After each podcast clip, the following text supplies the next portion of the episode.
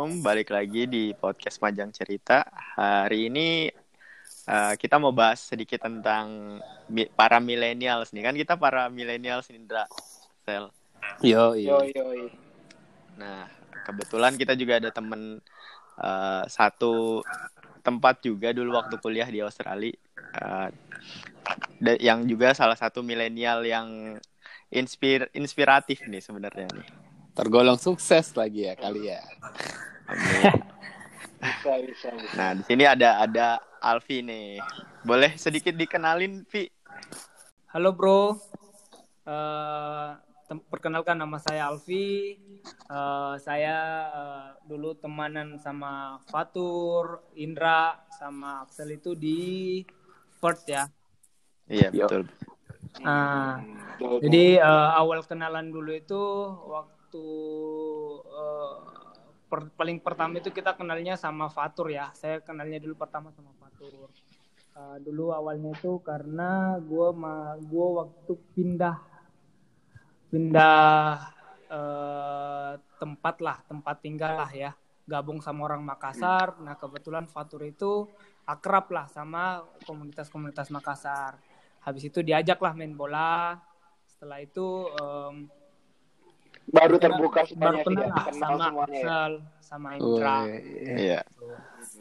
Good old time. Eh, jadi Iya. Jadi yang gue inget kalau sama Alfi nih ininya nih tuh apa namanya? Yang uh, insiden dia diam-diam balik hilang tiba-tiba balik hilang aja tiba-tiba.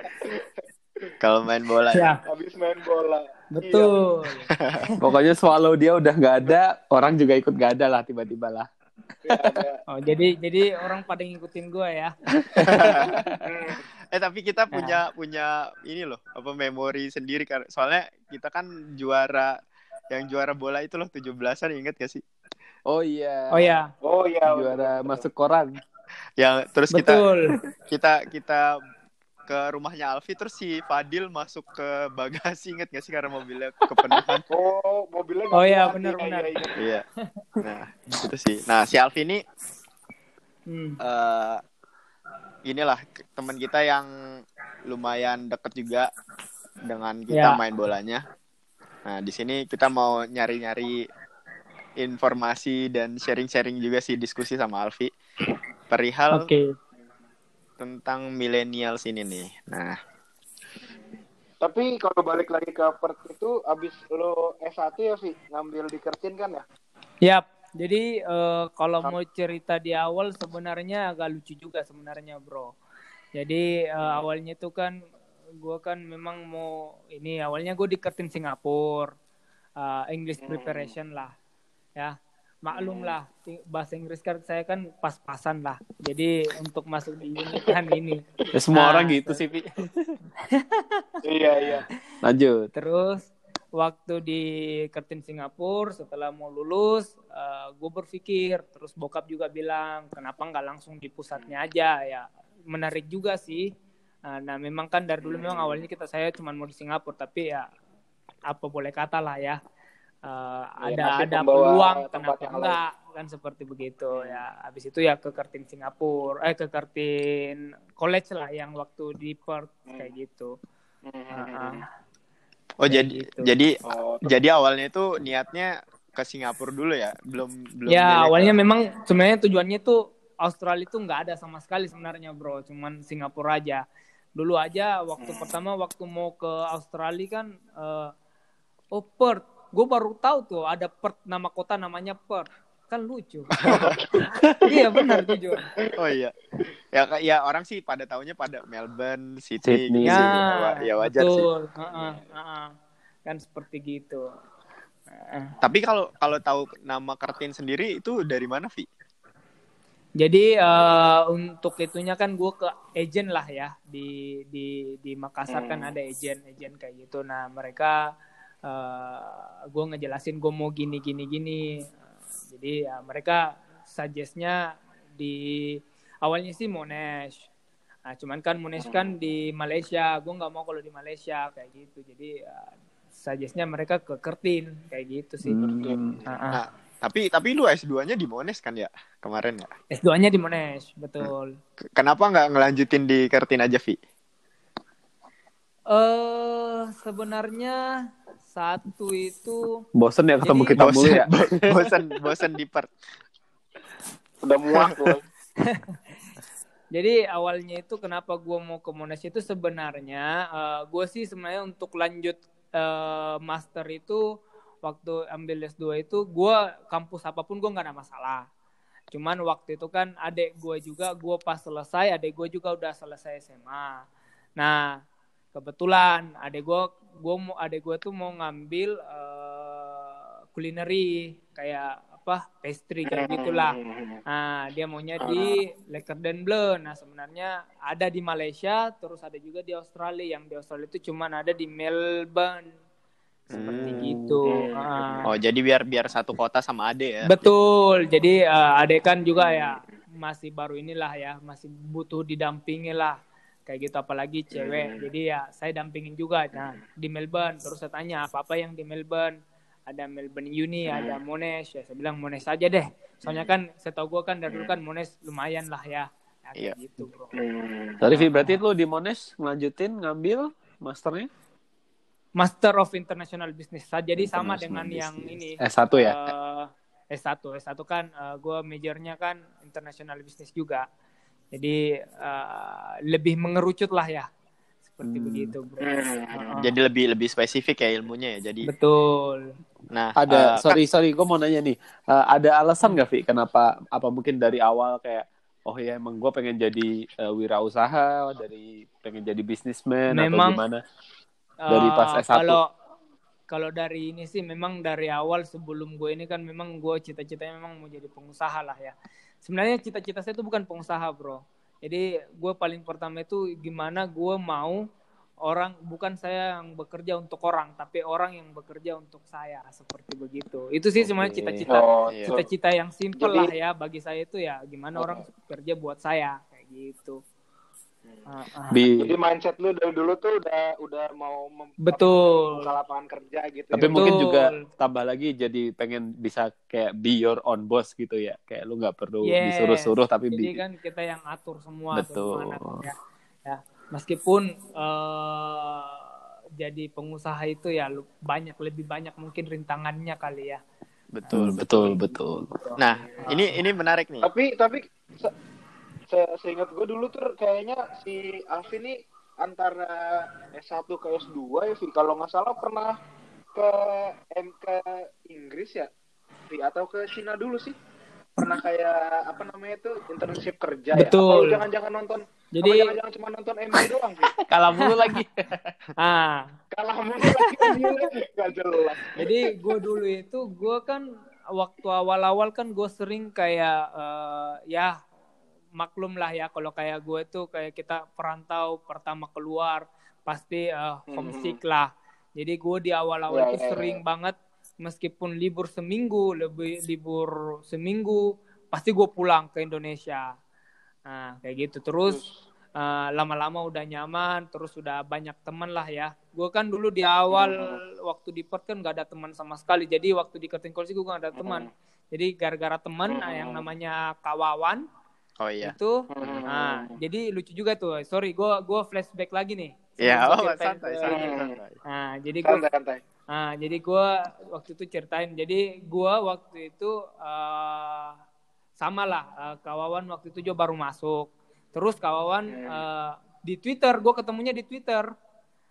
Hmm. Nah, jadi kawan ya siapa nih orang Makassar uh, yang di ini? Terus gue lihat twitternya juga. Kebetulan gue kayak searching searching di kertin kertin kayak location location gitu kan. Eh, gue balas.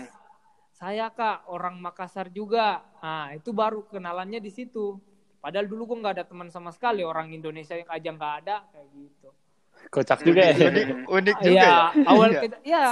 awal kenalnya tuh gue kawan tuh gara-gara di Twitter gue langsung di chat. Hmm. Eh, orang Makassar iya. Nah, jadi ya setelah itu uh, ini gue gue pindah lah gabung sama Kawawan tapi dari Kawawan itu S3 kan?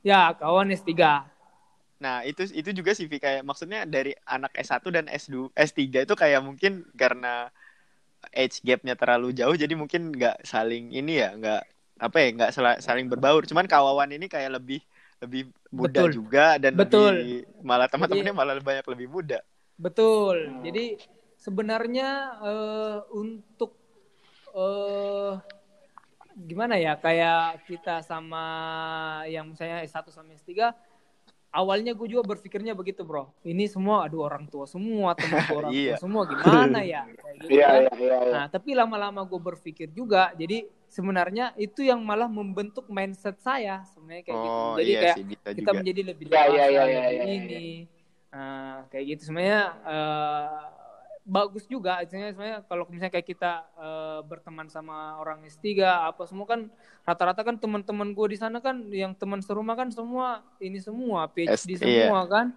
Nah, yeah, jadi yeah, itulah yeah. salah satu ininya bagaimana mereka diskusi, gimana ininya. Cuman mungkin kalau dari segi bercandaan atau gimana kan yeah. agak beda lah ya, takutnya kayak tersinggung yeah, atau yeah. gimana kayak gitu. Tapi yeah. tapi menarik loh ini kayak soalnya kan orang-orang yang S2 dan S3 itu dari dari beberapa background yang berbeda gitu dan mereka Betul. di Indonesia pun mereka itu apa ya kayak orang-orang yang mungkin membuat perubahan gitu loh di di Indonesia ini sendiri. Jadi contohnya ada yang kerja di Kementerian Keuangan dan lain-lain seperti itu loh. Yang kita nggak yang yang kita baru sadari itu oh ternyata mereka itu seperti orang -orang ini penting. ya orang-orang iya. penting yeah. ya di Indonesia ya. Iya, Padahal iya, gue juga iya. taunya gitu, Bro.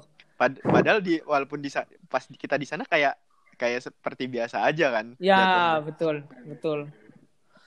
Uh, nah, itu sih kurang lebih seperti itu. Nah, Vi boleh okay. ceritain sedikit nggak sih, Vi? Oke. Okay. Yang Lanjut. di magang Kembali. kemarin ya? Oke. Okay. Ya, ya, kan, ya. kan kan kemarin lu lu tadi bilang tadi di awal mindsetnya sebagai orang yang uh, mem, apa membuka lapangan pekerjaan. Nah, di sini lu mencoba mencoba untuk ber, bekerja yang uh, di kantoran yang bukan goal lo dari awalnya gitu. Itu pengalamannya seperti apa? Jadi uh, sebenarnya kan otomatis kalau misalnya kita fresh graduate, gue kan jadi uh, di tahun kedua itu gue udah mulai berpikir, gue gue lulus ini mau gimana nih? Kan hmm. seperti gitu. Gue gue nanya ke diri sendiri, gue harus gimana ke depannya, apa yang gue harus lakuin.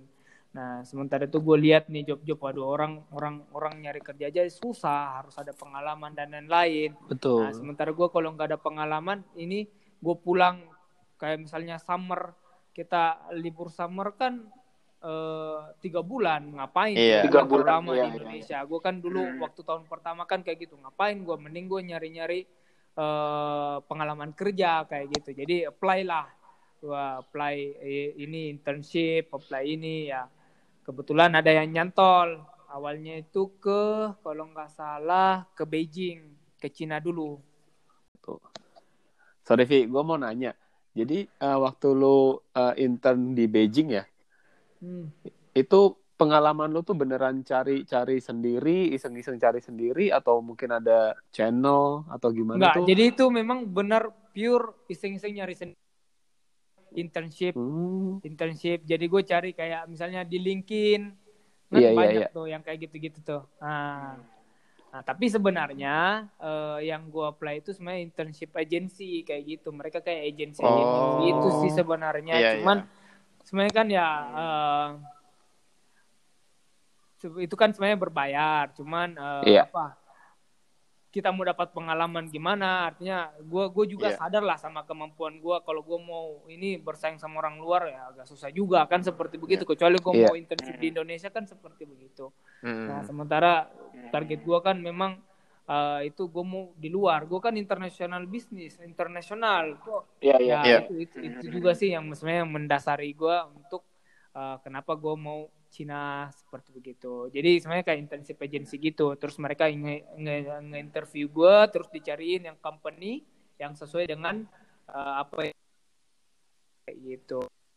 Uh, mampu apa sih yang kayak gue inginkan lah seperti hmm. begitu. Tapi sih yang yang di UK itu kan sebenarnya udah ngerjain internship nih. Itu memang sengaja pengen nyari internship lagi atau memang daripada Jadi uh, yang UK itu sama di ini tuh memang gue lanjutin memang eh, emang lanjutin. Karena gue berdasarkan pengalaman pengalaman di Cina itu ya enak sih lumayan lah enak lah kalau kita nge-internship kayak begini. Gue dapat pengalaman berharga banyak banget yang gue rasain betul. Ini gimana ini berbaur sama orang luar. Soalnya kan uh, yang internship yang di Cina itu banyak juga yang memang pure mereka dapat beasiswa internship kayak gitu. Dan di, di handle sama internship agency itu. Uh, terus uh, yang uh, teman-teman gua yang waktu di Cina itu hampir seluruh dunia bro. Oh, jadi iya, iya. nggak bukan cuma Australia doang. Gue punya teman dari dari Amerika terus gue punya teman di dari uh, Europe dari hmm. ya banyak lah hmm. kayak gitu jadi itu berapa lama sih uh, yang di Cina itu berapa lama uh, di Cina itu kalau nggak salah gue enam minggu internshipnya nggak terlalu lama ya berarti ya ya di perusahaan agensi apa ya HR oh Oke. Okay, HR. Berarti Human resource. Sorry Vi, itu berarti kalau dari segi culture mungkin ya, itu kan yang dua negara yang nah. lo pengalamin dari Cina ke UK, pengalaman lu Betul. bisa di-share dikit nggak dari dalam segi culture sistem Jadi, pekerjaan mungkin okay. perusahaan tersebut yep. yang lo pengalamin di internnya itu? Jadi uh, gua gua gua nge-wrap aja lah ya. Gua uh, ngejelasinnya singkat aja. Gue gabungin nih tiga, yeah, yeah. tiga internship. Hmm. Jadi awalnya gue internship di Cina, habis itu gue internship di UK, uh, hmm. di London, terus habis itu gue internship di Australia di Perth terakhir. Hmm. Nah, dalam tiga ini culture-nya itu semua berbeda-beda bro. Tapi gue mendapatkan pengalaman yang uh, sangat berharga lah dalam uh, ke depannya gue gak harus di mana, uh, dasar-dasarnya gimana. Nah, jadi uh, apa? dan perusahaan yang berbeda-beda, masing-masing berbeda-beda ininya. Waktu di Cina itu H, yang waktu di Cina itu HR, waktu di uh, di di London itu eh, waktu di UK itu kalau nggak salah kemarin yang kayak business development kayak gitu. Terus waktu di Australia itu marketing. Nah, waktu di Perth itu marketing. Jadi memang berbeda berbeda-beda uh, ininya uh, apa ya ilmu yang didapat uh, juga ya mungkin ya ilmunya lah kayak gitu nah kalau dari segi culture semuanya berbeda-beda dan itu yang saya coba terapkan di uh, usaha saya seperti gitu nah. Jadi misalnya contoh nih kayak di Cina itu mereka memang hierarchical kayak memang ya harus memang atasan kita harus hargai atasan ini harus harus hargai ini kayak gitu.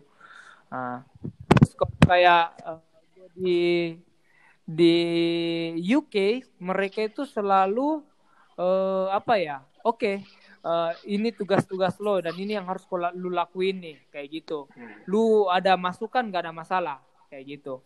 Nah terus kalau kayak di Perth ya berdasarkan pengalaman saya ya nah, nggak tahu kalau ini kalau di Perth itu yang kemarin itu mereka memang membebaskan kita uh, ini ini nih ini nih job desknya kamu kamu mau ini hmm. ada masukan nggak ada masalah jadi sebenarnya UK sama di Australia itu kurang lebih Mirip sama lah ya, ya. Sama lah. tapi memang kita Asia itu uh, terkadang ya, ya hierarchical tadi itu karakter ya kayak uh, adat-adatnya kita masih hmm. terbawa oke Vi jadi uh, gue mau nanya tentang challenge-nya nih uh, di ketiga tempat hmm. magang berbeda itu nah boleh diceritain sedikit nggak sih kayak lu di di satu perusahaan ini lu di di dipaksa untuk melakukan performa seperti apa, yang satu seperti apa, yang satu seperti apa gitu. Challenge-nya di situ. Oke, nah kalau misalnya di Cina betul-betul memang ya kerjanya ya harus sesuai dengan apa yang mereka inginkan lah ya. Mm -hmm. Kayak ini ya harus lu lu kalau nggak gini ya ini bahkan uh, eh, gue gue punya teman gue sama-sama dia dia dari Australia uh, memang uh, Aus orang Australia asli. Nah, dia itu kayaknya cuma bertahan seminggu deh. Habis itu dia keluar, minta pindah perusahaan. Kayak gitu, karena nggak tahan. Nah, kalau gue kan ya masih inilah ya, gue masih ada memang, oh ya memang harus gini, memang kulturnya gini. Kita paham lah, kita kultur Asia. Cuman memang mereka lebih keras. Yeah. gitu dari segi misalnya KPI lu harus ada target kayak gini lu harus ada target kayak gini kayak kemarin kan gue memang harus targetin uh, masukin orang kayak gitu harus ada klien kayak gitulah jadi mereka intinya kurang fleksibel ya ya betul kita nggak bisa ini nah terus kalau misalnya kalau di UK uh, eh, challenge-nya sebenarnya apa ya uh, Memang nggak nggak hampir nggak ada mungkin cuman, ya. Cuman kalau dari saya mungkin di sana itu agak monoton gitu job desknya. Hmm. Sementara gue tuh mau pelajarin lebih dari apa yang gue ini lebih dari job desknya kayak gitu. Gue selalu mau pelajarin apa sih kayak gini gini. Cuman mereka tuh ya ini job desk lu ya job desk lu kayak gitu. Lu harus kerjain itu kayak gitu. Ketika gue mau ngelakuin yang lain, mereka uh, agak ini juga. Soalnya kan kayak gue kan intensif doang kayak gitu. Iya sih. Iya. Itu sih. Kayak gimana ya di satu sisi nah. kita juga harus inisiatif untuk minta diajarin hal yang baru cuman betul. Terkadang mereka nggak mau kayak gitu karena kan ini ya kayak gitu magang lah. Magang ya. Ya, kan yeah. Iya. cuman magang lah. Nah, seperti begitu. Nah, Vi, lu kan tadi Vi, lu kan tadi udah udah nge, kayaknya tadi nyinggung masalah bisnis lu nih. Ya. Jadi kalau yang lain mau tahu nih bisnis lu apa aja sih Vi sebenarnya Vi? Uh, semenjak gue pulang yang ke sekarang lu jalanin yang kalian tahu kan sebenarnya kan ya, gue punya restoran lah ya uh, abnormal gue salah satu franchise-nya abnormal di Makassar uh, cuman apa itu pionirnya huh? ya, ya? pionirnya ya, ya? yang Apa? yang yang pertamanya lu kan itu di Makassar. Uh, sebenarnya kalau misalnya pionirnya sebenarnya uh, ada pertama yang udah ada sebenarnya outlet outlet pertama itu warung abnormal itu udah ada di Makassar. Waktu hmm. masih kuliah di Melbourne itu dia udah opening, sudah buka. Cuman uh, untuk abnormal coffee roasters gue yang pertama di Makassar kayak gitu. Brand barunya abnormal kayak gitu, Bro. Uh -uh. Oh, okay, okay. Nah, tapi itu bisnis yang kalian tahu. Cuman sebelum sebelum itu ya gue juga sebenarnya orang bilangnya mungkin kalian bilang ya Alfi sukses tapi kan sebelum-sebelum itu gue juga berdarah-darah juga sebenarnya kayak gitu. Membangun yeah, bisnis yeah, itu yeah. ya inilah. Uh, uh, udah. Gue gue kan pengen gue kan, gue pengen kan, nanya sedikit nih Vi. Uh, lu hmm. ide pertama de franchise itu dari mana dan prosesnya seperti apa? Itu boleh diceritain sedikit gak sih?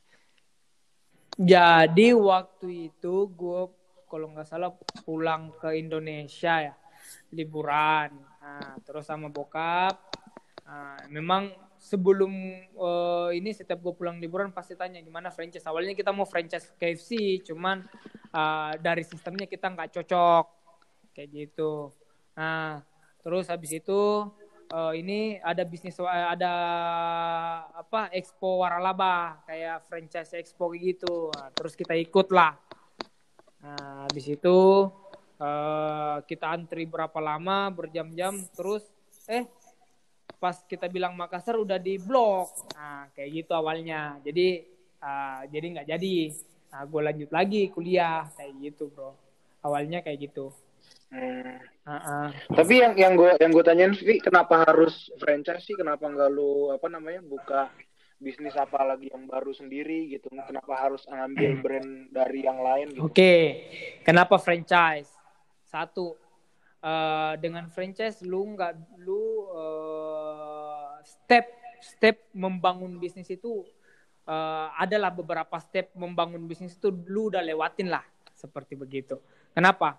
Uh, ketika sistem franchise sistem sudah terbentuk semua, sistemnya uh, brandnya sudah ada, kita nggak perlu ngebangun brand, marketingnya sudah ada, semualah ya sudah terbentuk. Jadi kita tinggal oh, menjalankan doang. Make nah, gitu itu pun gue pelajarin juga, gue belajar dari nol juga, gue training juga. Kita pun sebagai owner itu di training sama mereka. Hmm. Gini nih mengelola franchise kayak gini, kayak gini, kayak gini, kayak gitu. Sorry Vi, Uh, hmm. Betul sih, kayak gue setuju juga sih. Mungkin uh, lebih simpel aja ya, apalagi untuk uh, betul. bahasanya untuk pemula juga. Tapi lo ada pengalaman nggak kayak pernah mungkin buka bisnis kayak nyoba iseng-iseng nah, sendiri makanya, gitu? Ya betul, yang tadi saya bilang gue itu kalian taunya gue itu ya nah. punya abnormal tapi nggak tahu sebelumnya tuh gue gimana. Kolak-kolak iya, dikit boleh nih ya. ya cerita-cerita dikit ya. lah pengalamannya dong. Nah jadi uh, pertama dulu itu memang waktu di Perth itu gue sama Kak Wawan itu selalu bilang nah Kak saya pulang mau bikin bisnis franchise, saya mau bikin food truck Kak. Saya bilang begitu. Oh iya bagus sampai waktu itu kawan beliin gue uh, buku buku buku buku untuk kayak uh, bisnis food truck kayak gitulah. Hmm. Nah waktu itu belum ada di Makassar, belum ada di Makassar. Nah Nah, gue gue udah konsepnya semua. Ketika saya sampai di Makassar, waktu itu selesai kuliah, eh, udah banyak food truck. Jadi gue malas. Gue tuh oh. selalu mau yang pertama kayak gitu, bro. Iya, iya. Nah, iya, iya, iya, iya. Jadi ya itulah. Nah, tapi pada saat gue selesai kuliah, gue pulang ke Indonesia. Awalnya memang uh, eh, gue awalnya gue kan sebenarnya apply pekerjaan juga lah di di OC di mana gue tetap uh, ngelamar kerja, cari-cari pengalaman kayak gitulah. Uh, ini cuman uh, waktu itu gue dipanggil sama bokap siapa yang ngelanjutin lagi nih usaha usaha? Kalau bukan kamu oke okay lah gue pulang. Mengabdi sama orang tua lah ya bro. penting juga tuh. gitu. nah, nah gue pulang. Ini nah gue uh, sebulan dua bulan gue ininya uh, apa ngikut sama bokap habis itu gue lihat uh, awalnya tuh gue bisnis ekspedisi kayak gitu gue lihat ini uh, bokap gue selalu kirim barang dari dari Surabaya ke Makassar, dari Makassar ke mana, ke seluruh Indonesia, gue lumayan juga nih ekspedisinya. Saya lihat kan pengeluarannya eh, apa biaya untuk ekspedisi lumayan juga. Kenapa bukan gue yang ambil? Kan kayak gitu gue pertamanya. Itu bisnis nah, sendiri, bisnis, bisnis, bisnis keluarga atau franchise juga? Sorry. Jadi itu sebenarnya bisnis bisnis keluarga, okay, bisnis okay. bokap gue yang dari dulu memang bokap gue yang rintis gitu bro. Uh -uh. Uh, jadi uh, gue lihat ya lumayan nih. Habis itu gue ikutlah saya tanya bokap gimana kalau saya yang handle ininya. Jadi awalnya tuh gue sama teman. Habis itu ah nggak cocok, nggak jadi lagi bisnis uh, ekspedisi. Habis itu lama-lama lama ya ada yang cocok. Nah, nah di situlah baru gue mulai bisnis ekspedisi kurang lebih setahun setahun. Kalau nggak salah itu 2018, 2018, 2019 pertengahan sampai 2019 pertengahan kayak gitu. Nah terus uh, sambil uh, bisnis ekspedisi gue jalan sambil gue jalanin abnormal. Tapi ketika abnormal buka, uh, bisnis gue yang ekspedisi itu terbengkalai, nggak ada nggak terurus lagi sampai-sampai uh, orang yang saya percayakan itu uh, manfaatkan lah uh, apa ya kesibukan gue kayak gitu bro. Nah jadi ya gue lumayan juga lah ininya sampai-sampai ada yang temen gue yang kenalin itu gue sampai nggak enak juga sama mereka kayak gitu. Jadi kayak gitulah. Nah, uh. Habis itu gue uh, kayaknya gue stop sementara yang ekspedisi gue hmm. bilang sama bokap ya udahlah uh, kayaknya ini stop dulu untuk sementara habis itu gue lanjut di uh, fokus ke abnormal sekarang seperti uh, begitu. Wes masih banyak nih sepertinya yang harus kita uh, ulik-ulik dari teman kita Alfi ini. Jadi mungkin sebaiknya dilanjutkan iya. di episode kedua ya. Jadi biar nggak terlalu panjang juga. Uh, ya. Jadi mungkin sekian biar biar pada Yo, ya mungkin seki, sekian dulu nanti kita lanjut ke episode selanjutnya. Assalamualaikum warahmatullahi wabarakatuh. Waalaikumsalam.